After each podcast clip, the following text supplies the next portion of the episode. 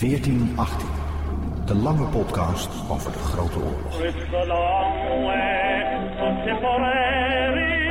Week voor week, leven na leven, vertelt Tom Takken het verhaal van de Grote Oorlog. 228 weken, 228 levens. Het verschrikkelijke verhaal, opnieuw verteld. De lange podcast over de Grote Oorlog, 1418. Het is zondag 8 juli 1917. Het wordt een week waarin het vrouwenbataljon des doods van Maria Botchkareva in Litouwen zijn vuurdoop beleeft, terwijl de meeste mannelijke divisies het af laten weten. Alexei Bruzilov als commandant van de Russische legers dan ook wordt vervangen door Laver Kornilov. Een Britse commissie onder voorzitterschap van Jan Smuts zich gaat beraden op een antwoord tegen de aanvallen van Duitse Gotha-bommenwerpers. Duitsers aan de IJzer in Vlaanderen terrein weten te veroveren. Vele honderden Franse en Britse vliegeniers het luchtruim boven Ypres proberen te beheersen. Op aandringen van de Sociaaldemocraten de Duitse keizer Wilhelm II een hervorming van het kiesstelsel waarbij alle stemmen even zwaar tellen in het vooruitzicht stelt. Aan de rivier de N Duitsers en Fransen tegen aanvallen ontplooien. Britse vliegtuigen Constantinopel en de Turks-Duitse vloot bombarderen en de macht in Duitsland bij Hindenburg en Ludendorff komt te liggen, nu Rijkskanselier Theobald von Beetman-Holweg plaats moet maken voor de onbeduidende Georg Michaelis, een politieke deconfiture die wordt bejubeld door kroonprins Wilhelm van Pruisen. Met die afhangende schouders en dat lange gezicht van hem, waar een spitse neus uitstak, leek de kroonprins van Duitsland maar weinig op de ferme soldatenkoppen die hij in heroïsch houtskool schetste, kennelijk om de tijd aan het front in Frankrijk wat te doden. Als Feldskizzen des Deutschen Kroonprinsen is er in 1918 nog een boekje van gekomen. Toen het Amerikaanse magazine Life in maart 1940 ook nog wat van die prenten van Wilhelm publiceerde, werden ze van zuinig commentaar voorzien. Friedrich Wilhelm Victor August Ernst von Hohenzollern tekende misschien iets beter dan Adolf Hitler omdat hij betere leermeesters had. Na zijn verbanning naar Nederland schakelde Wilhelm over op het schetsen van fat Dutch children en farm animals, zo merkte Life nog snedig op. De kroonprins speelde overigens ook aardig viool.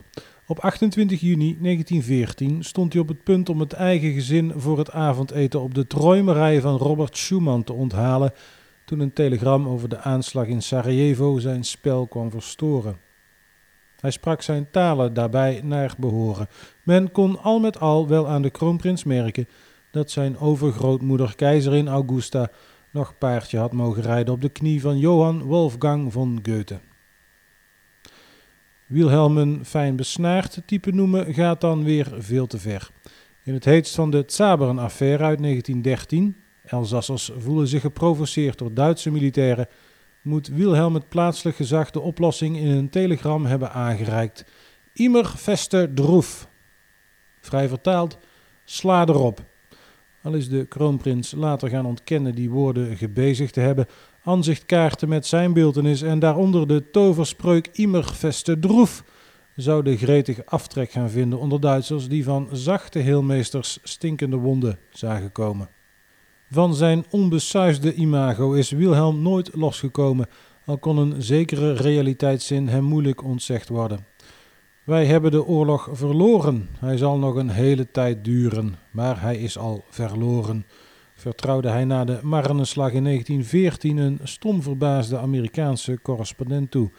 En ook in 1916, tijdens de slag om Verdun, waarmee zijn naam onlosmakelijk is verbonden, moet hij de zaken al snel in het juiste perspectief hebben gezet.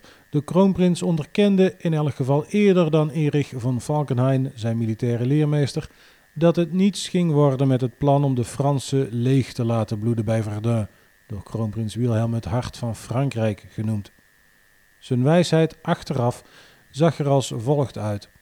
Op de avond van 24 februari was het verzet van de vijand feitelijk gebroken. De weg naar Verdun lag open, zo dicht bij de overwinning waren we. De vermoeidheid van onze troep na een enorme militaire prestatie en het gebrek aan reserves kostte ons de overwinning.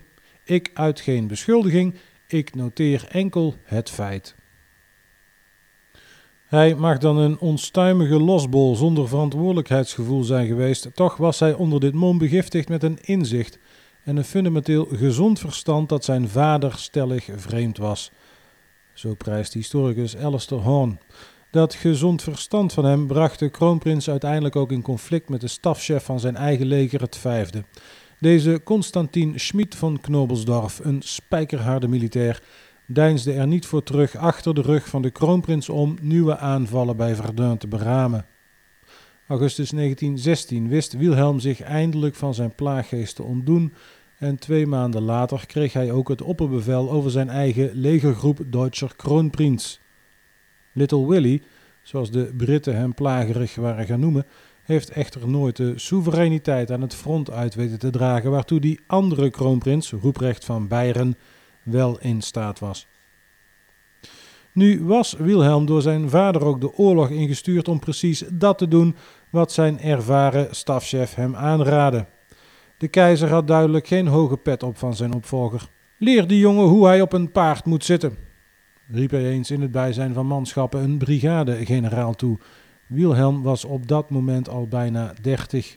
Als ik mijn vader persoonlijk over iets wens te spreken en bij hem toegelaten wordt, praat hij een uur lang over het een of het ander en dan is de tijd voor het gesprek om. Ik heb niet kunnen zeggen wat ik wilde. En als ik mijn gedachten op schrift stel, zendt mijn vader ze naar de desbetreffende bureaus. Juli 1917 slaagt hier toch in om bij zijn vader een voet tussen de deur te krijgen. De keizer moet zijn door de militaire veel te liberaal bevonden kanselier Theobald van Beetman-Holweek de laan uitsturen. Met dat doel voor ogen heeft de zoon van de keizer samengespannen met aartsconservatieve krachten, de militair Max Bauer en de politicus Kuno van Westarp vooral. Als Beetman-Holweek zijn biezen pakt, is de kroonprins euforisch. Dat is hij ook in het voorjaar van 1918, als de Duitsers eindelijk door het front heen breken. Granaten van Kroep ploffen alle Parijs neer. De keizer zelf is niet van het front weg te slaan en ook zijn zoon kan het niet laten een groep Britse gevangenen triomfantelijk toe te spreken in onberispelijk Engels. Binnen vijf dagen zitten we in Londen. Hoera, de oorlog is bijna voorbij. Als de kroonprins, een verstokt roker, de tommies wat van zijn sigaretten aanbiedt, bedanken die voor de eer. Vier maanden later, juli 1918, geeft de aanstaande keizerrechter opdracht om achter het front een tweede verdedigingslinie op te werpen. Een duidelijk teken dat hij het geloof in een Duitse opmars kwijt is geraakt. De eerste slag aan de Marne, september 1914, leidde een status quo aan het westelijk front in. De tweede slag aan de Marne eindigt in augustus 1918 als opmaat voor de Duitse nederlaag. In die eindfase van de oorlog wordt Wilhelm van Pruisen door een mengeling van eigen onmacht en een zekere compassie met zijn manschappen overmeesterd. Geschreeuw om aflossing en rust bereikte me en maakte mijn onvermogen duidelijk. Ik kon niet tegemoetkomen aan de op zichzelf gerechtvaardigde eisen. De keizer schrijft hem op 9 november 1918 een brief die begint met lieve jongen en eindigt met je zwaar vernederde vader. De mededeling daartussenin luidt: omdat de veldmaarschalk niet langer mijn veiligheid garanderen kan en omdat hij niet langer borg kan staan voor de loyaliteit van de troepen, heb ik besloten na een lange innerlijke strijd het ineengestorte leger te verlaten. De vernedering geldt ook de zoon. De Amerikaanse president Woodrow Wilson is niet bereid met de Duitsers over vrede te onderhandelen, zolang de keizer, de kroonprins en Erich Ludendorff nog in het zadel zitten. Vader en zoon gaan apart van elkaar in Nederland in ballingschap. Voor de zoon wordt het Wieringen, een eiland boven de kop van Noord-Holland, waar hij nog nooit van heeft gehoord. Een stoomjacht moet hem er naartoe brengen. Op de kade van Enkhuizen wordt de slachter van Verdun uitgejouwd. In de mist lukt het de kapitein dan ook nog eens niet om Wieringen te vinden. De volgende dag is de Zuiderzee rustiger en wacht op Wieringen alsnog een zwijgzame menigte Wilhelm op in contrast tot de praatgrage reporters uit de gehele wereld en handige fotografen die ook zijn uitgerukt. Zijn lot deprimeert hem uit zijn op Wieringen geschreven memoires. Als een gevangene, geminacht, beweegt men zich in deze kleine kring tussen mensen die somber, schuw wegkijken als men ze passeert, die nieuwsgierig soms een blik wagen uit half gesloten ogen. Ik ben de bloedzuiger en kindermoordenaar. Men is kwaad op de regering die mij vrij laat rondlopen op dit eiland, die dit eenzame eiland zo'n overlast bezorgde. Maar de sfeer zal allengs vriendelijker worden. De smid van het eiland leert hem hoefijzers te smeden. En Wilhelm gaat op Wieringen verder met zijn favoriete passie, die hij ook achter het front in Frankrijk met verve na heeft gejaagd. Meisjes zijn bed in praten. Hoeveel bastaardkinderen precies hij op Wieringen achter heeft gelaten is onderwerp van speculatie gebleven. Zijn huwelijk met Cecilie, hertogin van Mecklenburg, is door al die seksuele escapades in elk geval zwaar op de proef gesteld. Na vijf jaar verlaat hij met de stille trom Wieringen. Nu hij verklaard heeft geen aanspraak op de troon te zullen maken, mag hij zich in de Weimar-republiek vestigen. De jonge Wilhelm zint echter wel degelijk op restauratie van de monarchie. Maar in 1932 is er ook sprake van dat hij het bij de Rijkspresidentsverkiezingen namens de nationalisten op gaat nemen tegen Hindenburg en Hitler. Vanuit Doren grijpt vader in. Wilhelm wordt onterfd als hij het waagt trouw aan de republiek te zweren. Zoonlief gehoorzaamt en gaat dan maar de kandidatuur van Adolf Hitler steunen. Op 21 maart 1933 zal hij in zijn geboorteplaats ook op de foto gaan met Hitler, als de nazi's de dag van Potsdam vieren om hun verbondenheid met het Duitse keizerrijk van weleer te demonstreren. Een listig staaltje propaganda van Jozef Goebbels. Maar al snel wordt het Wilhelm gewaar dat de Führer het huis Hohenzollern in zijn derde rijk links laat liggen. Wilhelm trekt nog wel een SA-uniform aan, tot de NSDAP zal hij echter niet toetreden. In de Tweede Wereldoorlog gaat de Duitse legerleiding niet op zijn aangeboden diensten in. Hij knoopt gaandeweg de oorlog voorzichtig contacten aan met Hitler-opposanten uit het monarchistisch kamp, maar na de val van de nazi's gaat Wilhelm in hun malaise delen. Marokkanen in Franse dienst rekenen hem op 4 mei 1945 in het Oostenrijkse Vorarlberg in. Op enkele weken gevangenschap volgt een jarenlang huisarrest. Weinigen denken dan nog aan de voormalige keizer in Spee van Duitsland. In 1951 komt hij een hartinfarct niet te boven. Wilhelm van Pruisen is 69 jaar oud geworden. Op Wieringen, dat Sint Helena van Holland, zijn de sterke verhalen over de kroonprins nog lang de ronde blijven doen. Zo deelde hij op een goede dag aan Wieringse schone badpakken van papier uit en keek hij vervolgens geamuseerd toe hoe die in het water uiteenvielen. Dus gaf uit.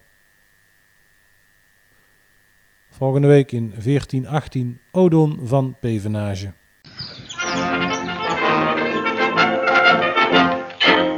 In München stond Ivan Demjanjuk volgens een vergeeld persoonsbewijs kampbewaker in het vernietigingskamp Sobibor terecht voor medeplichtigheid aan de moord op 28.000 hoofdzakelijk Nederlandse Joden, aangevoerd vanuit Westerbork. 18 maanden duurde het proces, verdeeld over 92 zittingsdagen.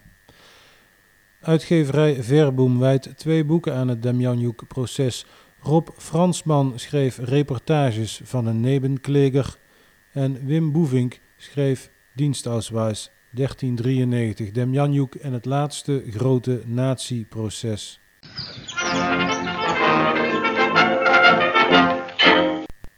Tijdens de Eerste Wereldoorlog sneuvelden duizenden soldaten op de slagvelden in en rond Yper. Na het succes van het eerste deel van archiefbeelden Yper in de Grote Oorlog dook Jacques Plateau nogmaals de archieven in en pluisde nieuwe bronnen uit, met als resultaat een boek met meer dan 200 foto's die een indringende blik werpen op Yper voor, tijdens en na de Eerste Wereldoorlog. Yper in de Grote Oorlog, archiefbeelden. Jacques Plateau, een uitgave van Tempus.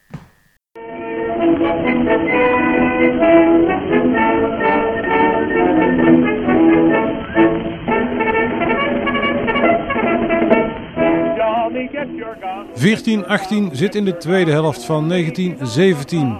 Haakt nu aan en wordt volger van 1418. De eerste 157 afleveringen van de lange podcast over de Grote Oorlog zijn verzameld op 6 CD's. Eén CD kost 12,50 euro. Alle zes krijg je voor slechts 35 euro thuisgestuurd. Geen CD nodig, maar wel de tekst in een Word-bestand. Abonneer je dan op mijn nieuwsbrief, die iedere week ook gevuld is met actuele tips over de Eerste Wereldoorlog. Ga naar www.1418.nl voor meer informatie. 1418 niet in cijfers, maar in letters.